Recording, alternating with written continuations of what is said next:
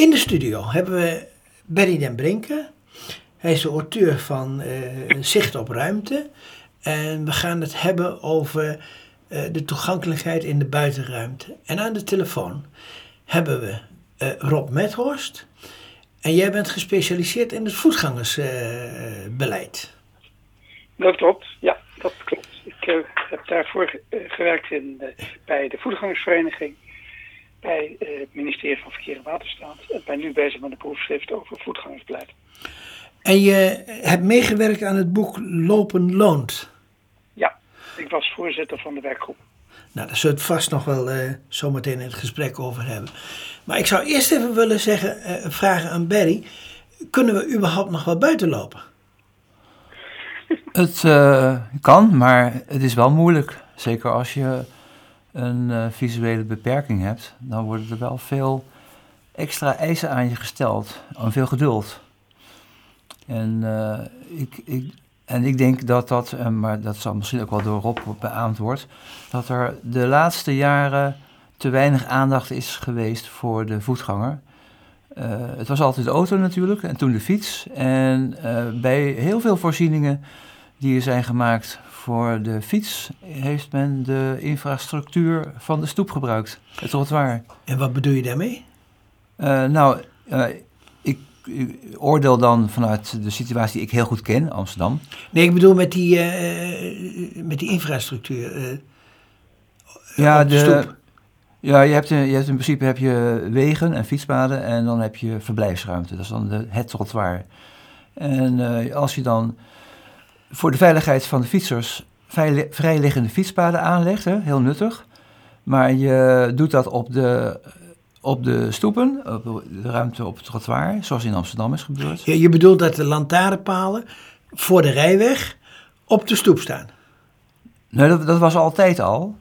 Maar uh, de, de, daar is dan bijgekomen dat de fietspaden zelf, hè, uh, minimaal 2 meter breed of 2,5 meter breed, of uh, als, je, als je daar de ruimte voor hebt, die worden ook aangelegd op de stoep. En dan komen er weer borden bij om op, de op, de, op het trottoir om te zeggen dat de ruimte ernaast voor de fietsers is.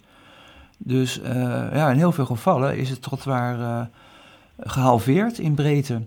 En dan is er, dat is nog een nieuw, het fietsen zo populair geworden in Amsterdam, dat er meer gefietst wordt. En die fietsen, ja, die, uh, die moeten ook ergens neergezet worden.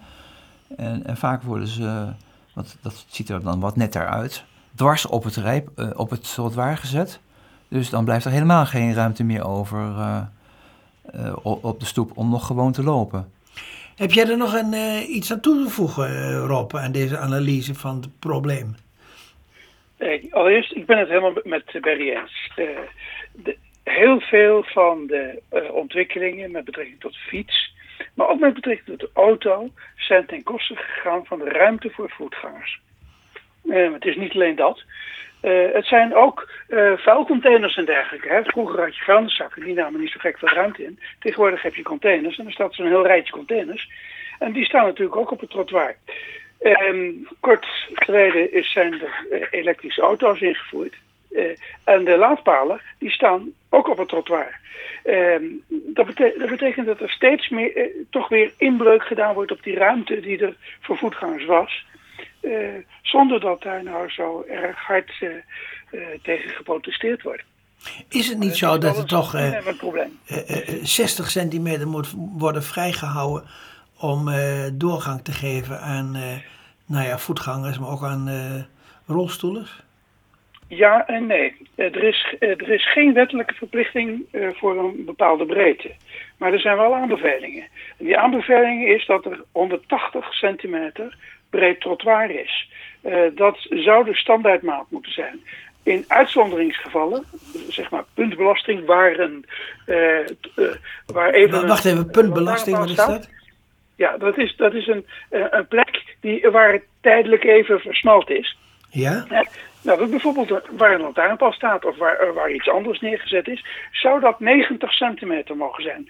Veel minder dan 90 centimeter is onverantwoord, want uh, ja, daar kan uh, een, een, voetgang, een gewone voetganger niet doorheen. En de gewone voetganger moet zijn degene die, die maatgevend is. En de maatgevende voetganger is qua breedte iemand met twee tassen, of een rolstoel, uh, of een rollator, noem maar op. En daar, daar heb je toch echt minimaal 90 centimeter voor nodig.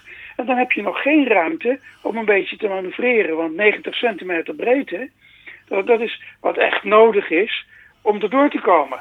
Maar je, hebt, je, moet natuurlijk ook wel nog een beetje kunnen bewegen. Dus 90 centimeter is eigenlijk veel te krap. 60 centimeter. Ja. We, we hebben nu het, probleem, denk ik, geanalyseerd. Of wil je er nog iets aan toevoegen, uh, Barry? Nee, dat is heel goed. Ja. Uh, dan wou ik het even hebben over het, het, boek Lopen loont. Want dat, dat intrigeert mij eigenlijk al. kun je daar iets over vertellen, Rob? Jazeker. De bedoeling van Lopen Loont was om uh, de stand van de kennis op dit moment uh, zo goed mogelijk weer te geven in aanbevelingen voor uh, gemeentelijke ontwerpers en beleidsmakers. en ik heb het gevoel dat het ook eigenlijk best gelukt is. Maar ja, zeggen wat goed is en het realiseren, dat zijn wel twee dingen. Nou, ik wou, wou, net zeggen, wat is het dan gelukt? Het, het, schrijven van dat boek of dat het overgekomen is bij de ambtenaren?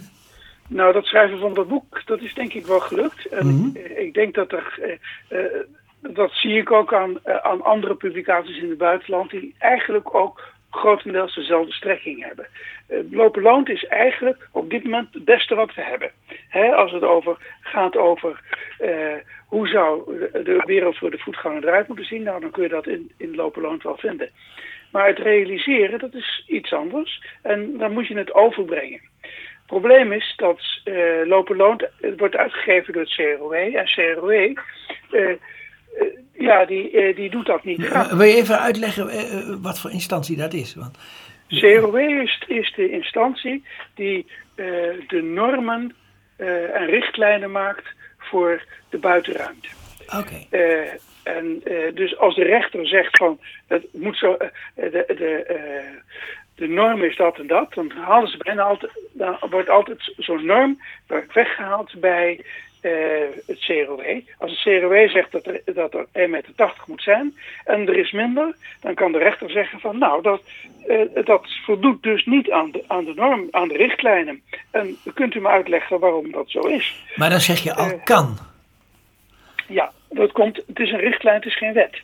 Ja, ja, ja. We, we, hebben, we hebben in Nederland eigenlijk alleen maar richtlijnen en uh, voor maar heel erg weinig dingen als het over breedte en maatvoering gaat, uh, vaste wetten. Want ook het reglement verkeersregels en verkeerstekens, het RVV en het uh, besluit administratieve bepalingen in zaken het wegverkeer, waarin die dingen weer voor de wegbeheerder zijn vastgelegd. Ja, die bevat geen centimeters, geen, geen meters als maten, maar die bevat verwijzingen. Ja, ja. Uh, en ja, dat maakt. Uh, en met de verwijzing kun je niet meten? U, nou ja, kijk, er, staat, er staan wel wat dingen in. Er staat beter hoe, hoe, hoe, hoe breed een bord mag zijn. En dat, dat, ja, dat, dat precies. Niet ik, ga, ik ga even naar Berry. Berry, jij hebt het boek Zicht op Ruimte geschreven. Uh, uh, wat was de bedoeling van dat boek? En je bent nu ook veel bezig met artikelen in verkeerskunde. Nou, zicht op ruimte, dat is een, een, voorbeeld van de manier waarop je heel toegankelijk, beschikbaar maakt de informatie over hoe je gebouwen en in, in, moet inrichten en de gebouwde omgeving in het algemeen, gebaseerd op de internationale standaard voor uh, de toegankelijkheid en bruikbaarheid van gebouwen. Dus dat boek heb ik geschreven uh, omdat er bij de, in Nederland eigenlijk geen goede op de internationale discussie uh, gerichte informatie beschikbaar was over de toegankelijkheid en bruikbaarheid van gebouwen. En ik was daar zelf op internationaal niveau via de European Blind Union wel bij betrokken. Dus ik heb uiteindelijk gedacht, Um, er moet een boek komen waarin heel duidelijk uitgelegd wordt uh, hoe je gebouwen voor blinden en slechtzienden, maar vooral voor slechtzienden, eh, toegankelijk kunt maken, omdat dat een aspect is wat in Nederland niet zo erg vaak in het centrum van de aandacht stond. Dus, uh, en je hebt er ook wat gedaan over zichtbaarheid, hè? Ja, ik heb, zelf ook, ja ik heb zelf ook. De reden waarom dat ik ook kon schrijven was dat ik ook zelf onderzoek gedaan heb naar manieren om het architecten heel duidelijk uit te leggen van wat nu precies die, het woord zichtbaarheid betekent. Want als je niet kunt uitleggen met een goed plaatje over wat nou goed te zien is of niet voor mensen die dat nodig hebben, dan, dan blijft het altijd een moeizame discussie. Dus ik heb in het boek heel goed uitgelegd uh, hoe je op een betrouwbare manier kunt laten zien wat voldoende zichtbaar is om het etiket toegankelijkheid op te plakken. Die methode heet dan de IDET-methode.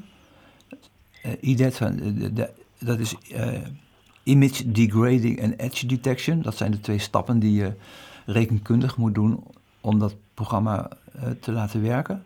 En dat hulpmiddel was heel bruikbaar om overal mooie illustraties te zetten bij al die situaties waarin dingen goed of juist niet goed waren uh, opgezet. Maar ook, ook de dingen, dat kun je met het programma kun je eruit halen, wat namelijk op moet vallen. Ja, wat op moet vallen. En, en dat is sowieso belangrijk omdat het het praten met ontwerpers makkelijker maakt. En, maar ik heb het zelf ook heel goed bekeken van wat er nog verder aan internationale standaards was. En ook wat verbeteringen voorgesteld over de manier waarop je met dat contrast, het meten van het contrast, wat dus de basis is voor de zichtbaarheid, hoe je daarmee om kon gaan. Oké, we hebben namelijk uh, het probleem geanalyseerd. Uh, we weten dat jullie heel, heel, bijna heel deskundig zijn.